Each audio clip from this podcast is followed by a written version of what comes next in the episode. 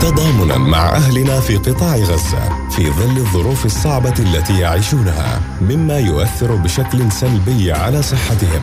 تسعى الإغاثة الطبية الفلسطينية إلى تقديم سلسلة حلقات من خلال هذا البودكاست عبر أجيال للتوعية عن الوقاية من الأمراض المعدية ومتابعة الأمراض المزمنة وكيفية تقديم الإسعافات الأولية ورعاية الحوامل والواضعات ودعم الصحة النفسية وقت الطوارئ والأزمات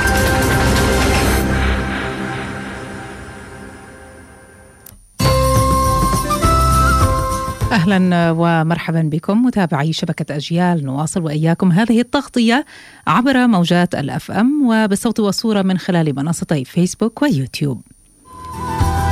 نتابع وإياكم في هذا اللقاء كيفية تعزيز قدرات القابلات لرعاية الحوامل خلال الطوارئ والحروب وأيضا الأمهات أنفسهن. معنا الدكتورة خديجة جرار مستشارة الصحة الإنجابية في الإغاثة الطبية. دكتورة خديجة أهلا ومرحبا بك. أهلا فيكي واهلا بالمستمعين جميعا أهلا فيك. اذا نعيش بالفعل ظروف استثنائية. نتحدث عن استهداف للمشافي ما آه، يزيد من أهمية آه، تعزيز مثل هذه القدرات لدى القابلات وأيضا الحوامل أنفسهن. دعينا نبدأ في هذا الحوار بالحديث عن القابلات. آه، ما الذي تعملون عليه في سبيل بالفعل تعزيز القدرات لديهن في جانب رعاية الحوامل؟ يعني بحب أنوه إنه نحن في المجتمع الفلسطيني في عندنا نسبة لا يستهان فيها من القابلات ولكن هاي الكمية من القابلات لا تزال غير مش كبيرة وغير كافية لعدد الحوامل الموجود عندنا في المنطقة.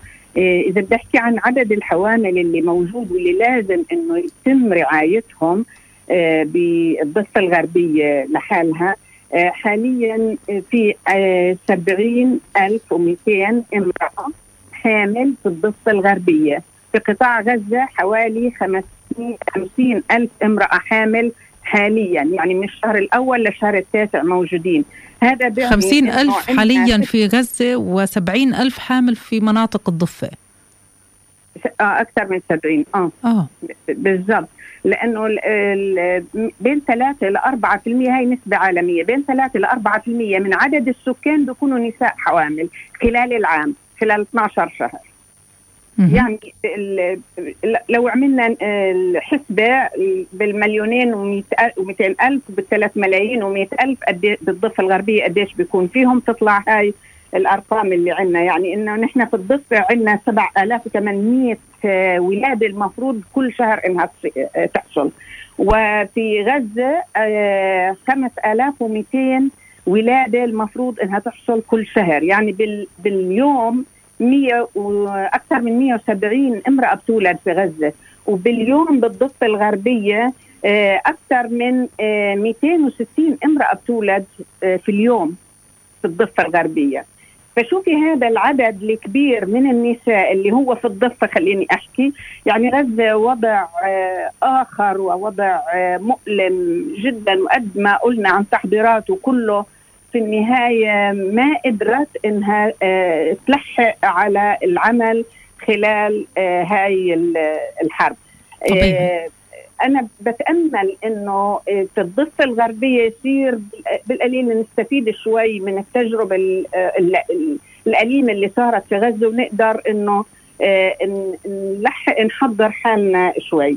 فهدول ال 70200 امرأة بدهم كوادر اللي تقدر إنها تعتني فيهم خلال الحمل. لأنه صح المرحلة الأصعب اللي فيها الموت تقريبا هي الولادة وال 24 ساعة بعد الولادة. لكن كمان مرحلة الحمل هي لا تخلو من الخطر. في حوالي 15 15% من الحوامل هدول إذا ما بيحصلوا على رعاية وتدخل طبي مباشر على مستوى مستشفى احتمال إنه يموتوا. لذلك المفروض إنه تكون الكوادر مهيئة وتقدر إنها تعمل الولادة سواء في البيت أو في الشارع أو في السيارة. أو في المستشفى معروف يعني ما في مشكلة. إحنا ما راح نحكي على موضوع القصد إنه في ظروف استثنائية. بالظروف الاستثنائية.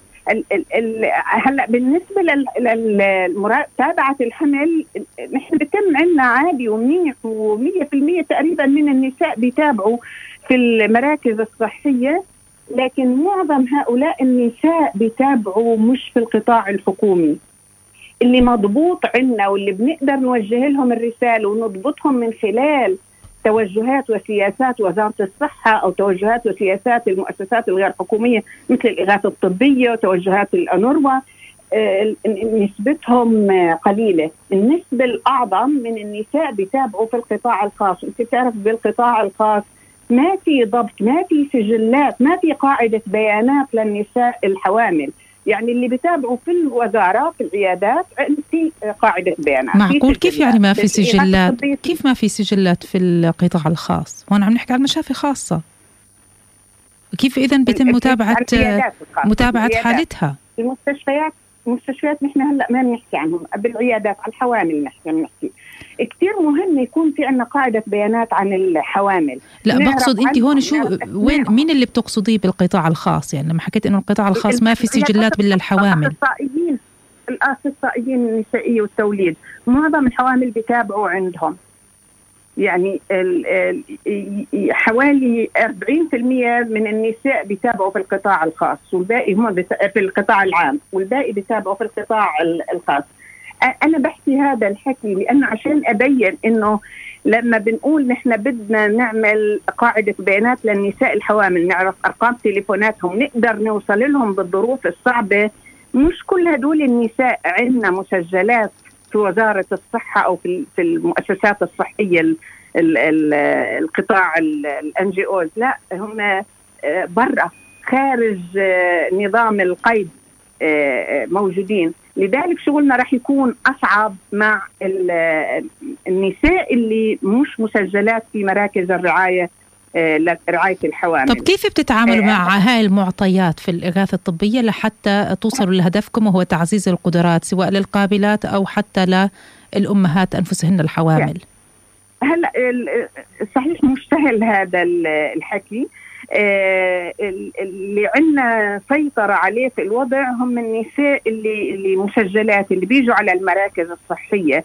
لكن التوجه حاليا وهذا التوجه للقابلات إنه هن يقدروا يوصلوا للنساء اللي ما بيجوش كمان عندهم على المركز الصحي. مش بس للنساء اللي جايين عندهم. آه، يمكن يمكن خليني أبدأ أقول أنا إيش بحب إنه أوجه رسالة للقابلات آه، اللي في الضفة الغربية والعاملات الصحيات وفي طبيبات كمان بيشتغلوا في رعاية الحوامل كمان هذا التوجه لهم. بس أكثر شيء للقابلات القابلة هي العنصر الأساسي هي الكادر البشري الأساسي في موضوع الحمل والولادة.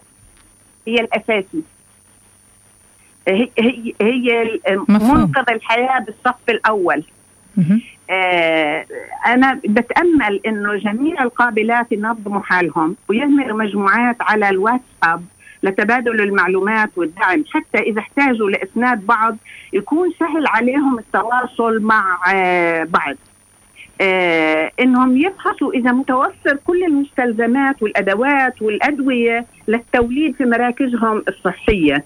إنهم يبحثوا عن أي قابلات موجودات بنفس القرية. في عدد من القابلات هم مش موظفات آه موجودين في البيوت. المفروض إنه نبحث عنهم. يمكن هذا من خلال آه جمعية آه أو نقابة العاملين الصحيين أو نقابة القابلات موجودة هاي الأسماء والمفروض إنهم يتواصلوا مع بعض وتكون أرقام موبايلاتهم مع بعض.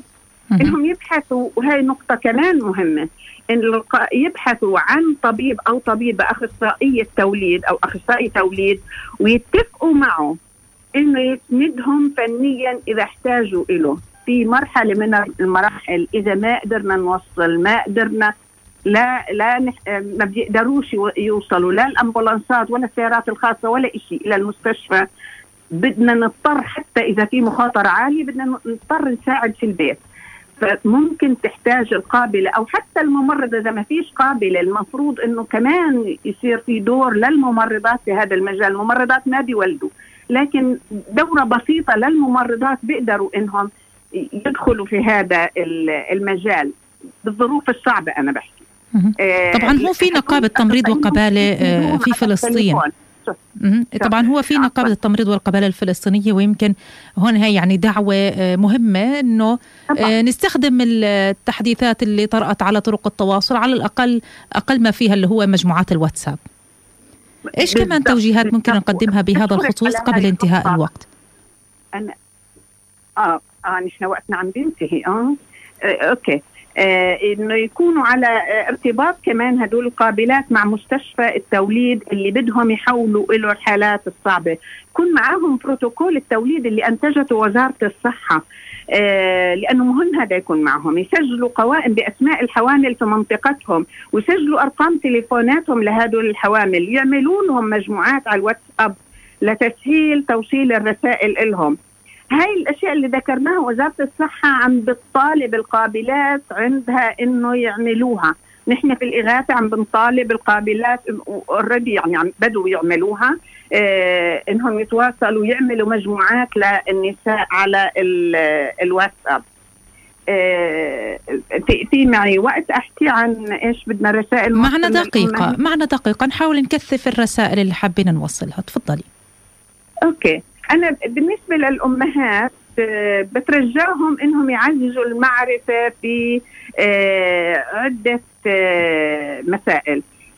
إنهم يحضروا جلسات التوعية في المركز الصحي. هلأ المراكز الصحية كلها عم تعمل القابلات جلسات توعية للحوامل.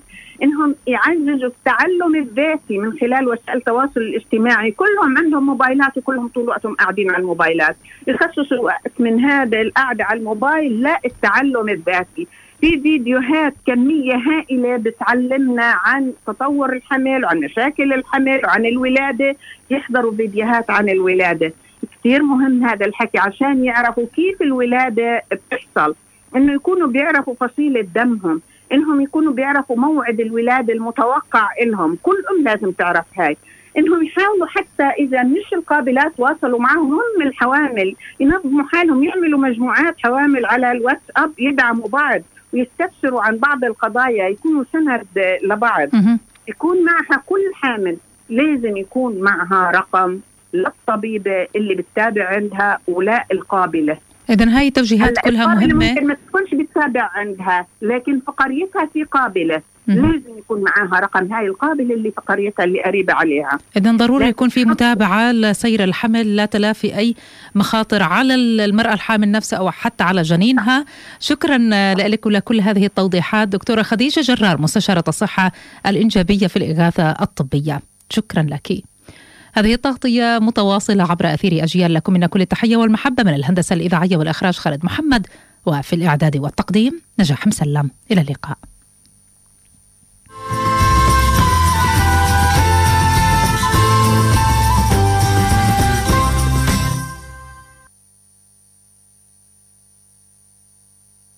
كنتم مع واحدة من سلسلة حلقات هذا البودكاست لجمعية الإغاثة الطبية الفلسطينية عبر شبكة أجيال للتوعية عن الوقاية من الأمراض المعدية ومتابعة الأمراض المزمنة وكيفية تقديم الإسعافات الأولية ورعاية الحوامل والواضعات ودعم الصحة النفسية وقت الطوارئ والأزمات مع أمنياتنا بالصحة والسلامة لجميع أهلنا في قطاع غزة.